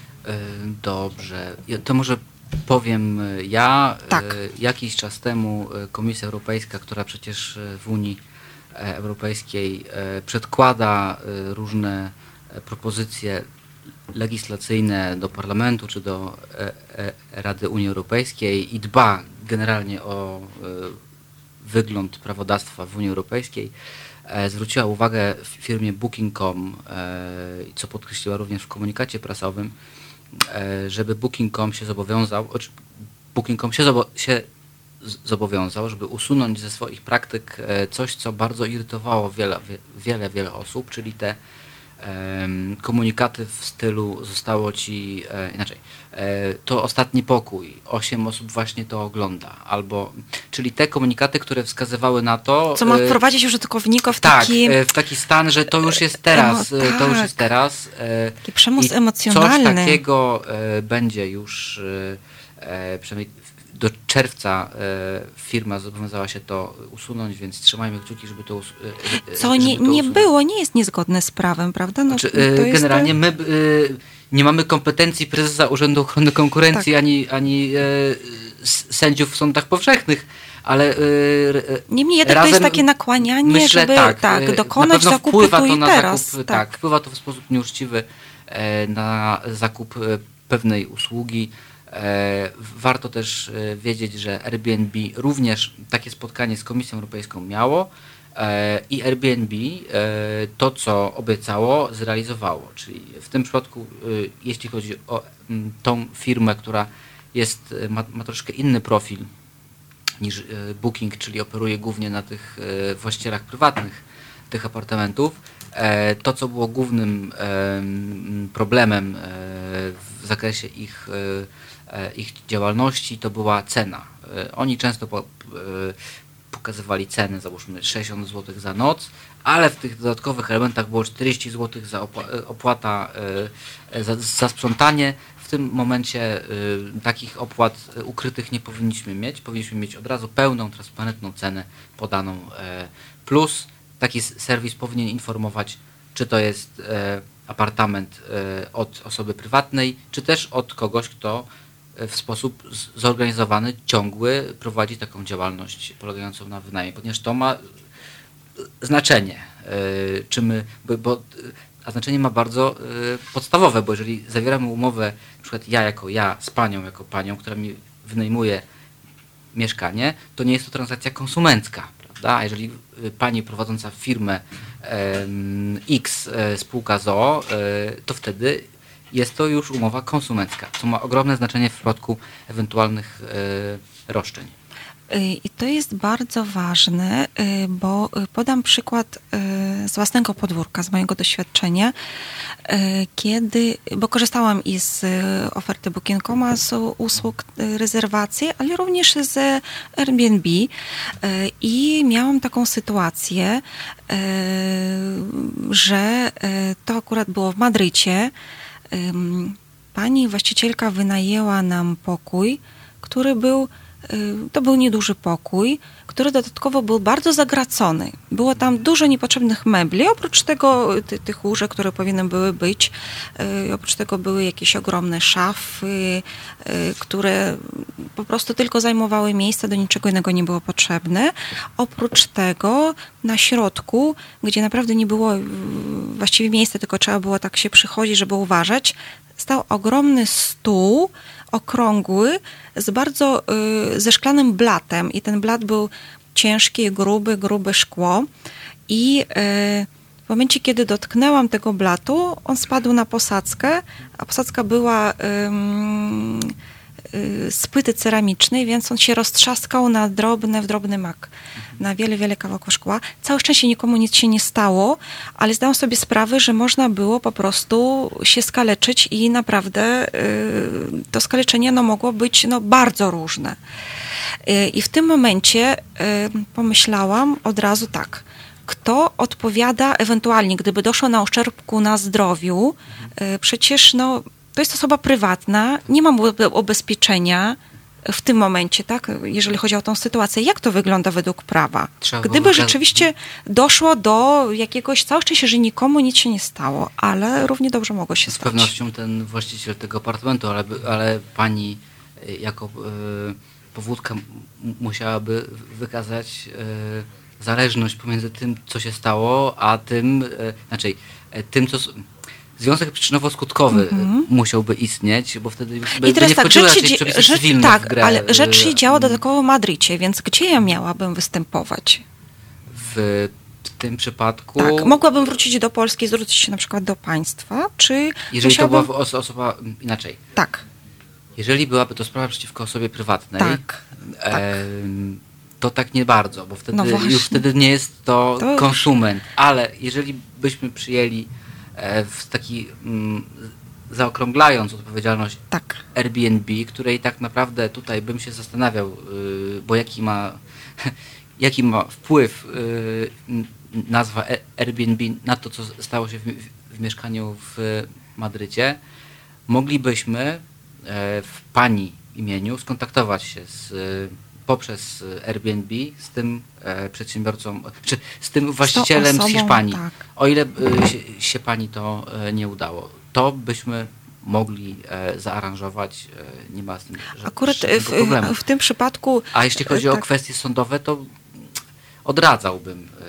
bo jednak to takie transgraniczne Mało sądzenie kto, się to y, jest e, Zmierzam nic do, przyjemnego. do tego właśnie, że mało kto myśli o tego typu y, wypadkach, które przecież no, y, to może się stać w każdej chwili, tak?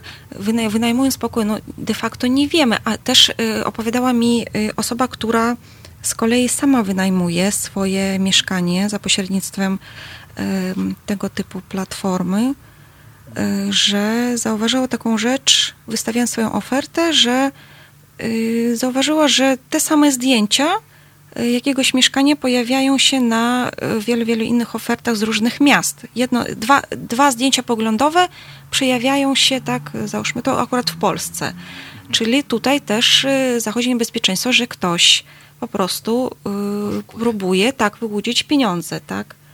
Że to nie jest, y, y, zmierzam do tego, że mm, no z jednej strony tutaj wiemy, że w jakiś sposób y, te serwisy działają le- legalnie, starając się chronić, oczywiście zapewniając bezpieczeństwo swoim klientem. Z drugiej strony my jako konsumenci jednak jesteśmy narażeni na wiele, wiele e, no, takich nieprzyjemnych sytuacji, przypadków, o których nawet no, nie jesteśmy w stanie tego przewidzieć. Tak, za które pełną odpowiedzialność ponosimy, zawierając umowę e, poprzez e, pewien serwis z właścicielem prywatnym. Tak, bo w, tutaj hot- też w jest, hotelu e, zupełnie inna by była rozmowa, tak, zupełnie na innej stopie już byśmy rozmawiali i, i załatwiali tego typu rzeczy.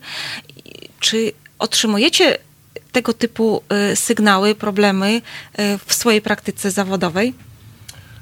Raczej nie, z tego względu, że tutaj u nas nasza infolinia konsumencka zajmuje się sprawami właśnie konsumenckimi, czyli jeżeli ta umowa jest zawarta pomiędzy osobą prywatną a przedsiębiorcą, tak? E, Czyli jeżeli jest to mm, sprawa, która tutaj dotyczy, mm, no, pomimo tego, że właśnie jest przez, przez portal, e, który jest przedsiębiorcą, ale de facto dotyczy usług, które świadczy sam e, ten obiekt, czy, czy, czy, to prawda, ten, ta osoba prywatna, która wynajmuje dane miejsce, tutaj miejsce noclegu, e, no to niestety w takich sprawach e, tutaj nie prowadzimy poradnictwa prawnego, dlatego że no, to jest sprawa pomiędzy dwoma osobami prywatnymi.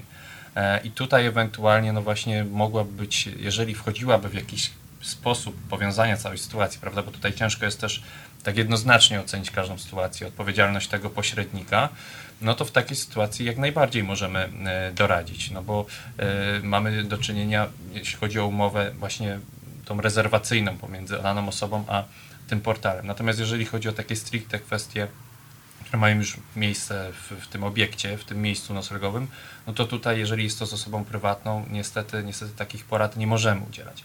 Natomiast no, chciałbym też tu wspomnieć, że e, właśnie tym dużym, dużym plusem, jeżeli jest to przedsiębiorca, właśnie jest to, że taki przedsiębiorca najczęściej ma też ubezpieczenie, jeśli chodzi o e, odpowiedzialność za wszelkie szkody wyrządzone, wyrządzone, e, wyrządzone klientom, tak? Dlatego no, taka osoba prywatna może nie mieć y, takiego ubezpieczenia. Dlatego tutaj jest łatwiej, prawda, uzyskać takie odszkodowanie na drodze pozasądowej. Właśnie zgłaszając, zgłaszając się choćby do ubezpieczyciela takiego przedsiębiorstwa. E, Nawet jeżeli to ma miejsce prawda, za granicą, e, może to być po prostu łatwiejsze. No, w sytuacji, jeżeli to jest osoba prywatna, no, nie wydaje mi się, żeby w wielu przypadkach takie ubezpieczenie, nawet jeśli no, wykupywała dodatkowo, i też warto e, tutaj wspomnieć nawet nie tyle co ubezpieczeniu samego tego przedsiębiorstwa, no bo niekiedy, jeżeli wyjeżdżamy za granicę, e, no, wykup, wykupujemy takie ubezpieczenie, prawda? No, szczególnie tutaj, jeżeli chodzi o e, znaczy ubezpieczenie Tak. zdrowotne, szczególnie jeśli chodzi o kraje e, spoza Unii Europejskiej, no, gdzie prawda e, ta karta ubezpieczenia, europejska karta ubezpieczenia zdrowotnego e, no, nie obowiązuje. Wtedy, wtedy to jest bardzo rozsądne, aby takie ubezpieczenie wykupić. I No, no ale nawet jeżeli wykupujemy takie ubezpieczenie jeżdżąc do krajów Unii Europejskiej, no od nieszczęśliwych wypadków, prawda, warto byłoby również zapoznać się z warunkami, bo być może i z takiego ubezpieczenia, które my wykupiliśmy, otrzymamy odpowiednie odszkodowanie. A trzeba pamiętać też o tym, że takie odszkodowanie może już rekompensować wszelkie nasze wszelką szkodę, którą ponieśliśmy, również jeśli chodzi o szkodę związaną z uszczerbkiem na zdrowiu. No, oczywiście, e, jeżeli jest to w ogólnych warunkach. Tak, jeżeli jest w ogólnych mm -hmm. warunkach, tak. I wtedy, I wtedy de facto no, możemy o wiele łatwiej uzyskać y, pieniądze, y, nie kontaktując się nawet, y, znaczy no wiadomo, że kontakt jest potrzebny, ale tak naprawdę nie dochodząc ich bezpośrednio od y, właściciela obiektu. I na koniec, ponieważ już zostało nam tylko kilka minut naszej dzisiejszej rozmowy. Właściwie mam podpowiedź, że praktycznie nic nam już nie zostało. Y, na koniec tylko chciałam Was zapytać, y, czy Polacy to świadomi konsumenci? Znaczy, według mnie jest y, naprawdę coraz lepiej, bo dużo osób robi pewne rozeznania, zanim na przykład do nas zadzwoni w kwestii swoich praw i dzwonią tak, nie, niekiedy nawet zdarza się, że ktoś dzwoni, żeby tylko potwierdzić, czy ma rację, czy nie, tak? Więc uważam, że ta świadomość jest budowana coraz szerzej. Natomiast konsumenci mają coraz trudniej, ponieważ przedsiębiorcy mm, działają coraz na, szer- na coraz większą skalę, tak? Obecnie, szczególnie jeśli chodzi o jakieś transakcje na odległość i tutaj naprawdę muszą mieć oczy e, już szeroko otwarte, żeby dowiedzieć się o tym tak naprawdę, jakie umowy zawierają z kim. E, na przykład, przykładowo, no, jeśli chodzi właśnie o, o umowy zakupów, no niekiedy to bywa, że, że, że towar, towar e, jest sprowadzany z Chin i tutaj war, tak, dlatego trzeba naprawdę dużo, dużo sprawdzić, zanim się skorzysta z danej oferty i tutaj się pojawiają problemy, że osoby niestety nie zawsze to sprawdzają, a to jest, to jest ważne. No to jest chyba obecnie dalej, mimo rosnącej świadomości, dalej nie czytamy regulaminów przy, w zakupach właśnie na odległość, czy jakichś innych szczególnych warunków, na przykład w samej ofercie coś jest dopisane, na przykład drobnym druczkiem, dalej tego nie czytamy. A już tym bardziej my mamy doświadczenie y, z zakupami spoza Polski, w sensie ze tak. sklepów spoza Polski, no to już jak już jest regulamin w języku obcym, e, to już tym, tym bardziej. E, a ja bym powiedział, nawiązał do tego, co powiedział e, Filip, im bardziej jesteśmy świadomi, tym bardziej sklepy czy przedsiębiorcy będą robiły tak, żeby ta świadomość była troszkę mniejsza. Więc e... bądźmy czujnie. Mhm. Nie jest źle, jest dobrze, ale zawsze może być jeszcze lepiej.